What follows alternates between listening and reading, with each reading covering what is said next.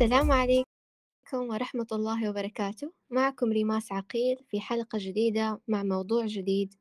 اليوم راح تكون معانا ضيفة صديقة عزيزة الدراسة. لا تنسوا تجهزوا نفسكم في مكان هادئ ويلا نبدأ. بداية كيفك ماريا؟ الحمد لله كويسة. طبعا إحنا بنسجل يوم الخميس بعد الدراسة فخلينا نبدأ دحين طيب رح نتكلم اليوم عن أربع مواضيع. رح نتكلم آه، عن التكنولوجيا في حياتنا. حناخد شوية عن الذكاء الاصطناعي وإيش قاعد يصير حاليا. آه برضو رح ناخد تفكيرنا من ناحية التقدم التكنولوجي. وآخر شيء آه اللي هو لماذا الجيل الجديد لا يحب البرمجة؟ بداية الموضوع الأول تقدم التكنولوجيا في حياتنا. آه صار تحول كبير في حياتنا خاصة بعد عشرين عشرين. إذا ما لاحظتي هذا الفرق؟ أيوة حتى في الشوارع في الناس حتى تفكير الناس تغير عن البرمجة. صح. مع تطور التفكير برضو زي ما قلتي وتطور التكنولوجيا كل سنة الوضع في نفس الوقت يحمس بس في نفس الوقت يعني يخوف يعني خاصة مع دخول الذكاء الاصطناعي. فإيش شعورك يعني من ناحية الذكاء الاصطناعي يعني؟ خوف مختلط مع حماس. صحيح ممكن. طيب آه، راح نتكلم آه، عن الذكاء الاصطناعي بعد شوية لكن فعليا يمكن إحنا متأخرين عن نتكلم عن هذا الموضوع لكن لو ناخد دقيقة نتأمل فيها كيف الوقت بيجري وفي كل مرة الوقت بيزيد أو بيجري بيزيد التطور بسرعة هائلة. يعني آه، دخلت التكنولوجيا في مجالات عديدة زي التعليم الطب بما إنه عندنا ماريا تحب الطب. وإلى آخره من المجالات والتخصصات. فإيش رأيك؟ إيش إذا تعرفي مجالات تانية دخلت فيها التكنولوجيا؟ يعني أنا حاليا جا في بالي بس التعليم والطب. أنا شفت برضو زي طابعة ما أدري إذا لها علاقة بال أعتقد أيوة لها علاقة بالذكاء الاصطناعي زي طابعة أعتقد هي تعمل الإسمنت إذا لقيتها بشارككم إياها. آه مجرد تطبع البناية هي أعتقد عندها صورة معينة لل... لل... للبناية مجرد آه تطبعها. فنسيت والله إيش اسمها بس يعني جدا مفيدة في الموضوع هذا. طيب. طيب آه نجي الموضوع الثاني اللي هو الذكاء الاصطناعي.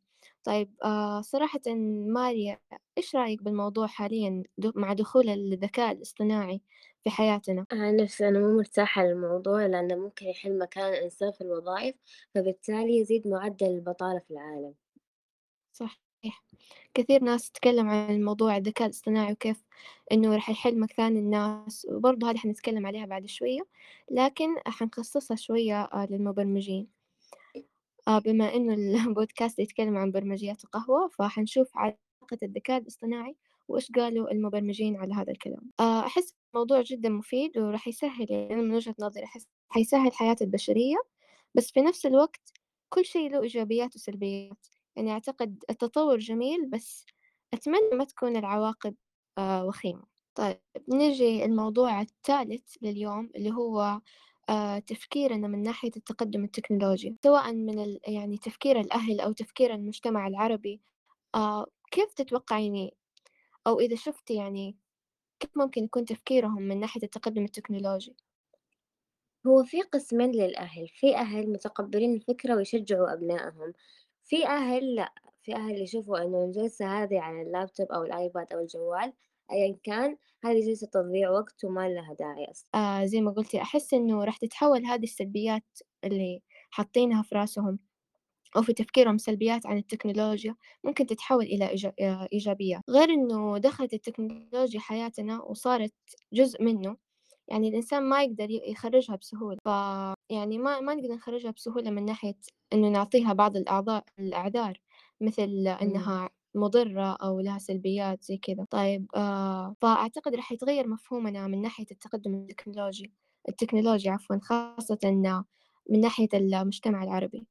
صحيح. إذا توافقين أيوة صح مم. طيب آه سؤال اليوم إذا تقدروا تشاركونا لماذا الجيل الجديد لا يحب البرمجة؟ طيب آه ماري إذا عندك أفكار تتوقعي ليش ال الجيل الجديد يعني بعضه ما يحب البرمجة؟ أنا من وجهة نظري لمن درست الموضوع لاحظت إنه في مدارسنا للأسف يعني باعطين البرمجة فقط في حصة حاسب، المفروض البرمجة يكون في حصة نشاط للبرمجة في كل مدارس المملكة طبعًا، ليش أمريكا متقدمين؟ لإن عندهم أنشطة ومن ضمنها الحاسب، فلذلك هم متقدمين علينا في البرمجة.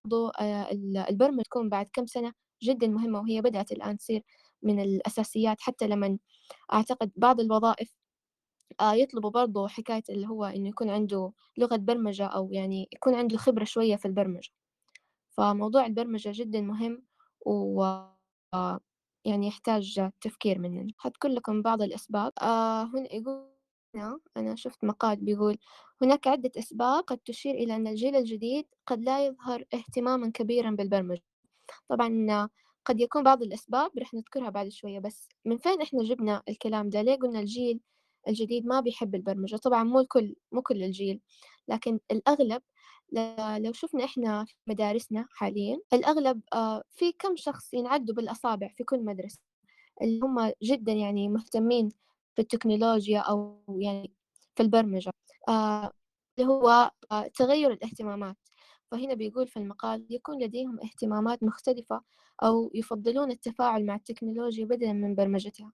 يعني يعني مثلًا آه، نعطي مث مثال ما أدري لو ماريا أنتِ يعني قبل كام سنة أو قبل كورونا آآ أو لمّا اتعرّفتِ على البرمجة، يعني مثلًا آآ أعرف ناس يعني لمّن عرّفتهم عن البرمجة آآ إيش اسمه، قالوا إنه يعني ما حبّوا البرمجة، لو نعطي مثال مثلًا تطبيق لعبة تمام، فهُم بيشوفوا أو يعني هذا التطبيق هُم يستمتعوا فيه يستمتعوا فيه عفوًا، فبيشوفوا إنهم لو يلعبوا في التطبيق أحسن من إنه يبرمجوه، ما أدري إذا وصلت الفكرة، أيوه، فبيحسّوا إنه يعني إنه يتعاملوا مع التطبيق أسهل من إنه هم يبدأوا يبرمجوا تطبيق وزي كذا، هذا ينقلنا للسبب التاني إنه توفر الأدوات السهلة، آه فبيقول في المقال وجود تطبيقات وبرامج جاهزة يمكنها تلبية احتياجاتهم دون الحاجة إلى تعلم البرمجة، هذه بر برضه من الأشياء اللي تخلي آه يعني الإنسان بصفة عامة مو بس الجيل الجديد ما يحب البرمجة، إنه خلاص في تطبيقات برامج جاهزة، أنا ليش أتعلم البرمجة؟ يعني في ناس هم قاعدين يبرمجوا ويعملوا تطبيقات، طب أنا خلاص ليه ما أعتمد عليه؟ آآ برضه من الأب ال التالت سبب اللي هو عدم فهم الفوائد، بيقول قد لا يكونون على دراية كافية بفوائد البرمجة في تطوير المهارات والإبداع وفهم عميق للتكنولوجيا، ممكن برضه خاصةً زي ما قلتِ مريم من ناحية المدارس عندي برضه نقطة اللي هي ما يوصّلوا في بعض المدارس ما يوصّلوا فكرة البرمجة بطريقة صحيحة، يقولوا على طول يبدأوا في البرمجة، يبدأوا في آآ في تعلُّم الأكواد، ويبدأوا وهكذا، لكن ما يقولوا آآ مثلًا بدايةً فوائد البرمجة، إحنا ليه طيب نتعلم البرمجة؟ إيش راح نستفيد منها؟ لأ، على طول بيبدأوا في البرمجة، آآ تعريف البرمجة، إيش لغات البرمجة، ما بيعطوا ال الطالب بالتفصيل إيش راح يستفيد من هذه البرمجة، فعشان كده أحس إنه أغلب الطلاب والطالبات مستهترين بموضوع البرمجة هذا. صحيح، طيب السبب الرابع اللي شُفته اللي هو قدرات التعلُّم المتغيّرة، فبيقول في المقال قد يجدون صعوبة في فهم مفاهيم البرمجة أو يعتقدون أنها صعبة بدون أن يعطوها الفرصة الكافية، فهُم يحسّوا إنه البرمجة صعبة أوكي، فحتى أنا لمّا بدأت في في البرمجة كانت يعني كيف استخفيت فيها، لكن بعدين لمّا بدأت بجدية فعلًا هي صعبة. ال الإنسان لمّا يعني كل شيء في حياتنا هو صعب، لكن الإنسان لمّا يكون عنده شغف فيه ويتعلق فيه، يمكن الأغلب يعني ما نقول كلنا يعني لازم نتعلم البرمجة كلنا خلاص ندخل في المستقبل في تخصصات ويعني مهن تتعلق بالبرمجة أو التكنولوجيا، لأ، يعني ممكن آآ طبيب لكن برضه يتعلم في البرمجة، ممكن مهندس لكن برضه يتعلم البرمجة وإلى آخره، ينطبق على كل الأمثلة، لإنه البرمجة زي ما قلنا راح تكون شيء أساسي زي اللغة الإنجليزية حاليًا. فالسبب الخامس اللي هو توجيهات التعليم، فبيقول قد يكون للتعليم دور كبير في تشجيع أو تحبيب البرمجة، وإذا لم تكن هناك فرص كافية في المدارس أو الجامعات فقد يقل اهتمامهم هذا الشيء اللي ذكرناه قبل شوية، يقل اهتمامهم في ال البرمجة. طبعًا هذه أمثلة عامة يمكن أن يكون لكل فرد أسبابه الخاصة لعدم اهتمامه في البرمجة. طيب إحنا اتكلمنا عن التقدم التكنولوجي في حياتنا، اتكلمنا عن التفكير أنا من ناحية التقدم التكنولوجي وليش الجيل الجديد لا يحب البرمجة؟ فبرضو آه، أتذكر حلقة من الحلقات دخل متجر فأخذ الحاجة اللي يبغاها هو كان زي سوبر ماركت أو شيء زي كده. المهم فدخل المتجر هذا وأخذ الشيء اللي يبغاه وخرج من دون ما يحتاج إنه يدفع اندفع أوتوماتيك برضو هذا الشيء آه، يتعلق بالذكاء الاصطناعي. برضو كمان آه، من ناحية الأشغال صار برضو في بعض الأشغال اللي هو الموظفين يدخلوا بنظام التعرف على الوجه. هذه بعض الأمثلة على الذكاء الاصطناعي. برضو عندنا القيادة الذاتية للسيارات. ما أدري إذا وصلت حاليا هنا ولا لأ. لكن آه، شفنا كثير الحكاية القيادة الذاتية للسيارات اللي هي بتتعرف على البيئة المحيطة فيها وتبدأ تتحرك أوتوماتيك مجرد ما الشخص يقعد على مكان السواقة ويبدأ هو يحدد الموقع أو شي زي كده وتنطلق السيارة هي تعرف خلاص كل شيء. برضو عندنا اللي هو تحليل البيانات الضخمة والكبيرة اللي هي ال big data. فبرضو الذكاء الاصطناعي دخل في هذا المجال. أعتقد اللي هو تحليل البيانات أعتقد. أيوة تحليل البيانات. فكيف آه، الإنسان بيتعامل مع ال big data أو البيانات الضخمة. برضو الذكاء الاصطناعي دخل في هذا الموضوع عشان يساعد الأشخاص اللي في مجال أو في تخصص تحليل البيانات. فهذه جدا آه، جميلة أعتبره شيء إيجابي. طيب سؤال لك يا ماريا. تتوقعي ممكن يوم من الأيام ياخذ الذكاء الاصطناعي مكاننا؟ نعم أتوقع لأن هو من الآن أصلا ماخذ نص مكاننا أغلب الوظائف. صار مو أغلبها يعني القليل. صار إنه ذكاء اصطناعي وصاروا يطردوا الموظفين من الوظيفة. صحيح بسبب إنه خلاص الذكاء الاصطناعي يحل مكانه. إيه. فأنا أعتقد برضو إنه هي نسبة ضئيلة لو الإنسان عرف كيف يتعامل مع الموضوع بجدية من ناحية الذكاء الاصطناعي. حتى أفتكر ما أدري إذا هي كانت مقابلة أو شيء المهم إنه طلع إيلون ماسك أتكلم عن هذا الموضوع وتكلم عن خطر الذكاء الاصطناعي كان بيحذر ال ال الناس إنه خطر الذكاء الاصطناعي على البشرية حاليا وفي المستقبل. فإذا لقيت المقابلة ما أدري هي مقابلة ولا كانت مقولة أو شيء إذا لقيتها أشارككم فيها برضو. آه فننتظر إيش راح يصير آخر المستجدات للذكاء الاصطناعي. وآخر موقف بقوله وننتقل لل... لآخر شيء إنه أفتكر جات فترة انتشرت في فيديوهات هذا خاصة للمبرمجين يركز الموضوع ده جات فترة انتشرت فيديوهات تتكلم عن الذكاء الاصطناعي وكيف راح يسيطر مكان المبرمجين.